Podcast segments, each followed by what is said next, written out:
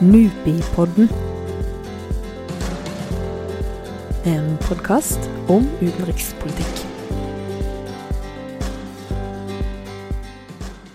Vi nærmer oss slutten av 2017, og det har vært et år eh, vi har sett nesten daglige nyhetsoverskrifter med ordene 'falske nyheter', 'propaganda' og 'russiske påvirkningskampanjer'. 1.12. arrangerer NUPI den årlige Russlandskonferansen. Og Malin Østvik, du er en del av forskningsgruppen for Russland, Eurasia og Arktis her på NUPI. Og du er også en av de som er ansvarlig for årets konferanse. Eh, og Malin, fortell litt om årets tema. Årets tema er nettopp sånn som du peker på. Eh, påvirkning, desinformasjon, propaganda osv. mellom Russland og Vesten. Um, og vi har jo varierende tema fra år til år, men jeg må si at dette er et av de mest dagsaktuelle og spennende. I min mening, i hvert fall.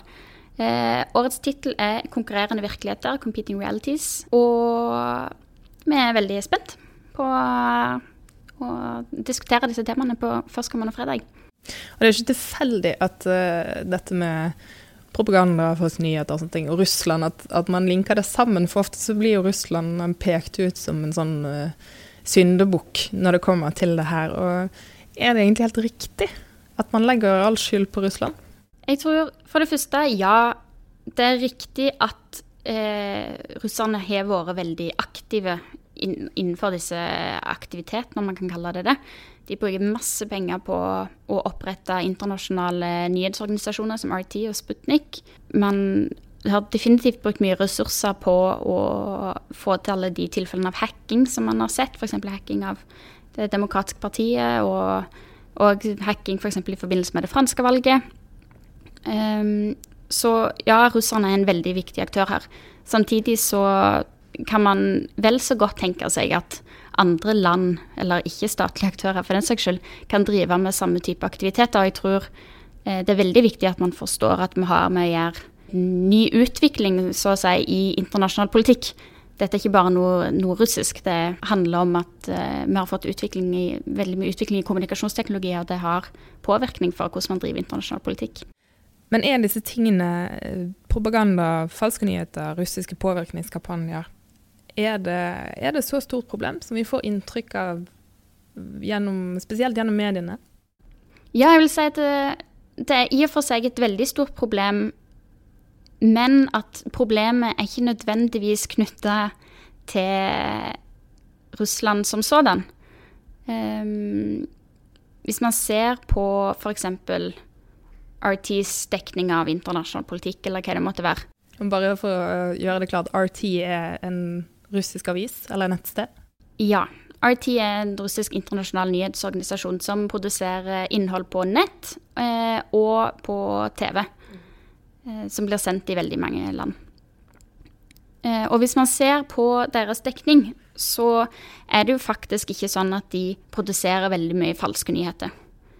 Um, men det de gjør, er at de produserer veldig mye nyheter som bruker f.eks. kilder og elitekommentatorer osv. som befinner seg kan man si, utenfor mainstreamen i vestlige land. Så det er gjerne f.eks eh, høyrepopulistiske kommentatorer som kommenterer hva som skjer i Kommenterer brexit, f.eks.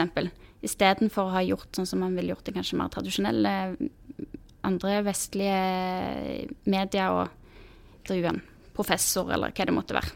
I det hele tatt så spiller veldig mye av, av den dekningen på det som jeg i hvert fall vil kalle problem, politisk problem som vi har sjøl i våre land, med med polarisering, med høyrepopulisme, av og til i noen tilfeller venstre, eh, mer venstreradikale miljø.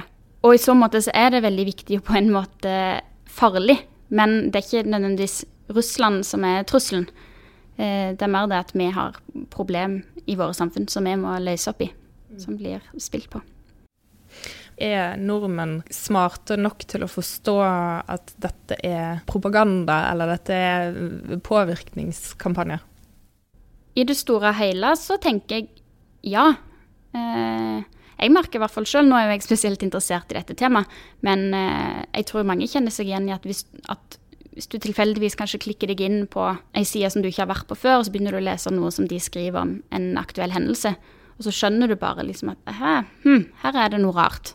Du kan ikke nødvendigvis peke på det, men du skjønner det med en gang. Og det tror jeg kanskje handler litt om at eh, nordmenn i det hele tatt scorer veldig høyt på såkalt media literacy. Jeg husker dessverre ikke helt hvordan man oversetter det på norsk akkurat nå. Men altså at vi har veldig mye kompetanse hva gjelder å lese nyheter, fordi, nettopp fordi at vi konsumerer veldig mye nyheter. Men igjen så spiller kanskje ikke nødvendigvis det som jeg kaller for propaganda, da spiller kanskje ikke nødvendigvis, prøver kanskje heller ikke å treffe den gjengse, høyt utdanna, veldig kompetente nyhetsleser, men heller nettopp disse gruppene som føler at de ikke blir hørt i vår vanlige pressedekning. Kjenner vi til noen uh, forsøk på russisk påvirkning på nordmenn? Altså, noen vil jo definere disse RT, denne internettnyhetssiden, og Sputnik som påvirkning. Jeg er kanskje litt nølende til det, men eh, tidligere år så viste jo eksempelvis PST til en kampanje som de sa at kom fra Russland, som, der de prøvde å diskreditere Nobelpriskomiteen. Fordi de tilsynelatende frykta at den eh, ukrainske presidenten skulle få Nobelprisen, og prøvde å komme i forkjøpet med å lage noen falske dokument som skulle virke som at det var amerikanerne som hadde påvirka Nobelpriskomiteen. Så det er jo et, eh, et eksempel. Og du vet jo godt hva du snakker om her, for du holder på med et forskningsprosjekt sammen med NUPI-kollega Jakub Godsmirski, eh, som går på russisk strategisk kommunikasjon overfor Europa. Hva har dere kommet frem til der? Det vi har sett på der, er RT Sputnik og den russiske avisen Ressiska Gazeta sin dekning av ulike hendelser i Europa i 2016. Og jeg tror mitt kanskje litt sånn kjedelige forskersvar vil være at det virkelig er et behov for en mer eh, nyansert og sofistikert diskusjon om disse temaene. fordi at når vi går inn i detaljene, så ser vi at det ligger så mye informasjon i detaljene. Og eksempelvis sånn at nettopp det med at RT og Sputnik egentlig er veldig ulik karakter. RT kan av og til ha mye høyere journalistisk kvalitet enn Sputnik. Så, hvis, men igjen, hvis du skulle sammenligne RT med BBC World eksempelvis, som de gjør sjøl, så er det jo lavere igjen. Men det er ikke sånn at det er ikke sånn at de to er de samme, og det ser man òg igjen. Det gjenspeiler seg òg i f.eks. budsjettene deres, eh, der eh, RT har litt over 300 millioner dollar i året i budsjett, mens Razia Sivodnia, som eier Sputnik, har 100 millioner dollar i året.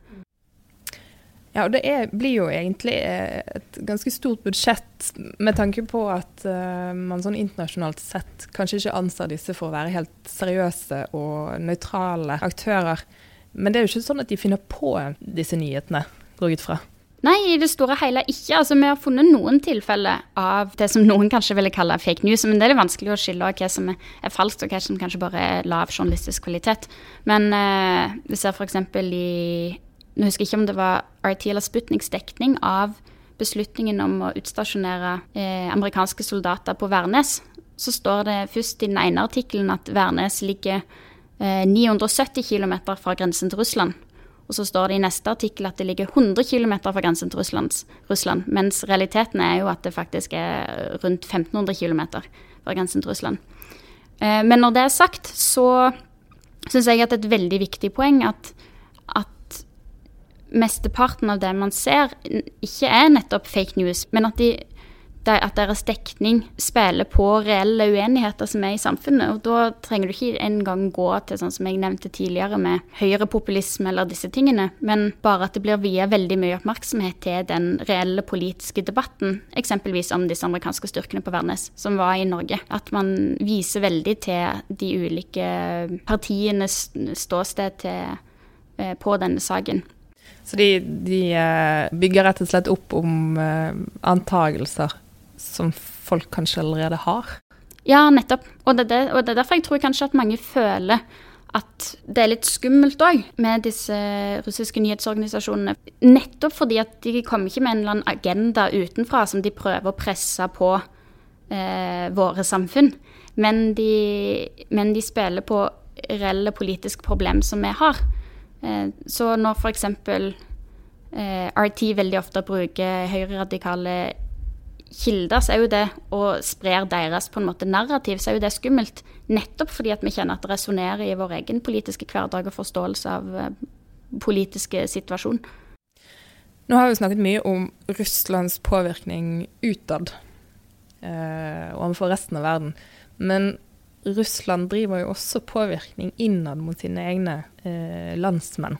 Man ser at i økende grad, særlig siden Putin kom til makten tidlig i 2000-tall, så har flere og flere medier blitt kommet unna myndighetenes direkte eller indirekte kontroll. Og det er så å si alle den dag i dag. Når det er sagt, så, så kan det òg produseres Det er ikke sånn at eh, Altså det kan også produseres god, god kvalitetsjournalistikk i Russland, selv om disse mediene er myndighetseid, men allikevel så viser det til at myndighetene har en veldig stor kontroll. I tillegg det, Men nå snakker jeg mer om de tradisjonelle mediene, men i tillegg så har de òg er det veldig mye overvåkning av datatrafikk i Russland.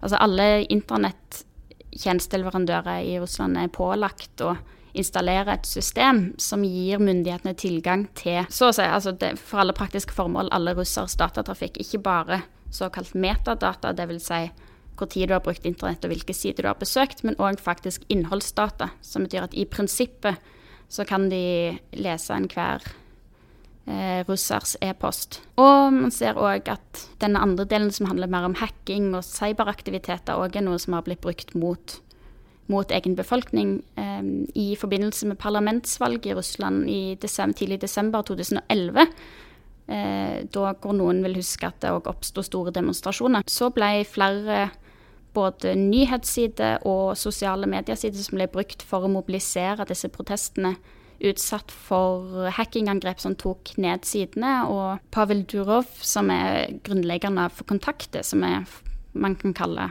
russerne, Russlands Facebook, han viste òg eh, dokument som viste at han hadde blitt bedt av FSB, russiske, en russisk sikkerhetsorganisasjon, om å stenge ned grupper i F-kontakter, som var bl.a. ei som var styrt av opposisjonslederen Navalny. Det gjorde han ikke da, for så vidt, men allikevel så er det et eksempel på at, at den informasjonssfæren, om man kan kalle det det, er veldig kontrollert, eller i hvert fall har potensial til å bli kontrollert av myndighetene i Russland. Og jeg tror den innenrikspolitiske konteksten og den på en måte kulturen det skaper, er òg veldig sentralt for å forstå hvorfor de samme typen virkemiddel, til en viss grad i hvert fall, nå blir òg brukt utad. De har sett at det, det funker eh, innad, mm. og da setter det ut i livet utad. Ja, ikke sant. For det er jo på en måte, man kan jo se på dette som verktøy. Mange vil nok se på det som du nevner nå som, som provokasjon fra Russland, og mange er redde for Russland. Hva kan Russland finne på å gjøre? De er nærme oss, vi er lille Norge. Ser vi på disse tingene med riktige øyne? Jeg er litt uh, usikker på det. Jeg syns i og for seg at uh, Forsvaret og Forsvarsdepartementet og de i den sektoren der har, virker som de har vært i og for seg veldig flinke til å ta inn over seg hvordan utvikling i kommunikasjonsteknologi påvirker sikkerhetspolitikk. Med at de snakker om eksempelvis hybridkrigføring, mye mer fokus på eh, cyberangrep, cybertrusler osv. Men jeg tenker at det er litt synd hvis alle disse utviklingene blir definert som eh, Forsvarets oppgave. For til en viss grad så, så tror jeg òg at det handler om at eh, utenrikspolitikken endrer seg. Og som en følge av kommunikasjonsteknologi. Og at at òg Utenriksdepartementet eksempelvis da, burde tenke veldig kreativt og nøye over ikke bare hvordan kontre med russiske strategiske narrativ som vi ikke er enig i, eksempelvis, men òg kanskje hvordan kan vi i Norge bruke kommunikasjonsteknologi og sosiale medier, og hva det måtte være, for å underbygge vår egen utenrikspolitikk. En ting som jeg tenker er ganske naturlig, er f.eks. at dette med public diplomacy, altså offentlig diplomati om du vil, kanskje burde fått en større rolle. Eh, hvordan man kommuniserer ikke bare med eliten og diplomati i et annet land, men òg faktisk dets befolkning. Og det som er enda mer uh, state of the art, hvordan ens egen befolkning kommuniserer med befolkningen i andre land. Men så vidt jeg vet, så ble Public Diplomacy-avdelingen i UD lagt ned for noen år siden. Og nå vet jo ikke jeg selvfølgelig hvordan de organiserer sitt arbeid. Det kan godt være at de arbeidsoppgavene fortsatt eksisterer. Men jeg tror virkelig at det kunne vært et satsingsområde, og særlig som et lite land med begrensa harde maktmidler. Så det er desto viktigere at man tenker skikkelig lurt om hvordan man skal bruke og kapitalisere på de myke maktmidlene. Kloke ord eh, til slutt der. Tusen takk for at du ville være med, Malin Nøttvik. Bare hyggelig. Veldig kjekt. Lykke til med konferansen 1.12. Eh, Den er allerede fulltegnet, faktisk. Hele konferansen blir streamet på Nupis YouTube-kanal, så der kan man følge med. Mitt navn er Marie Fyrovden, og jeg blir veldig glad om du abonnerer på Nupi podkast, enten i Soundcloud eller via en podkast-app. Vi høres!